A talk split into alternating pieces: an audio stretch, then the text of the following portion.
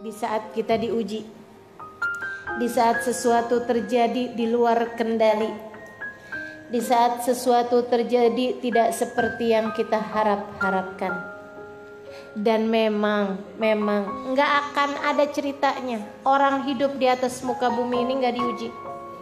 Mau yang kaya, mau yang miskin, mau yang laki, mau yang perempuan, ujiannya sama-sama gedenya maka kalau semakin tinggi pohonnya pasti akan semakin kencang anginnya. Kalau nggak mau kena angin yang kencang ya udah nggak apa-apa nggak usah jadi pohon ya rumput aja. Antara pohon antara rumput dicerabut sama pohon yang kemudian tumbang banyakkan mana?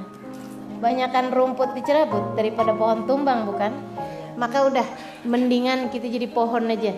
Sekalian yang tinggi toh juga insya Allah semakin tinggi pohonnya semakin kuat akarnya. Sehingga ia tidak mudah untuk tergoyahkan. Akarnya apaan? Sabar. Gitu tuh akarnya tuh. Bikin kekuatan pondasi yang sangat kuat. Sehingga kita tidak mudah dirobohkan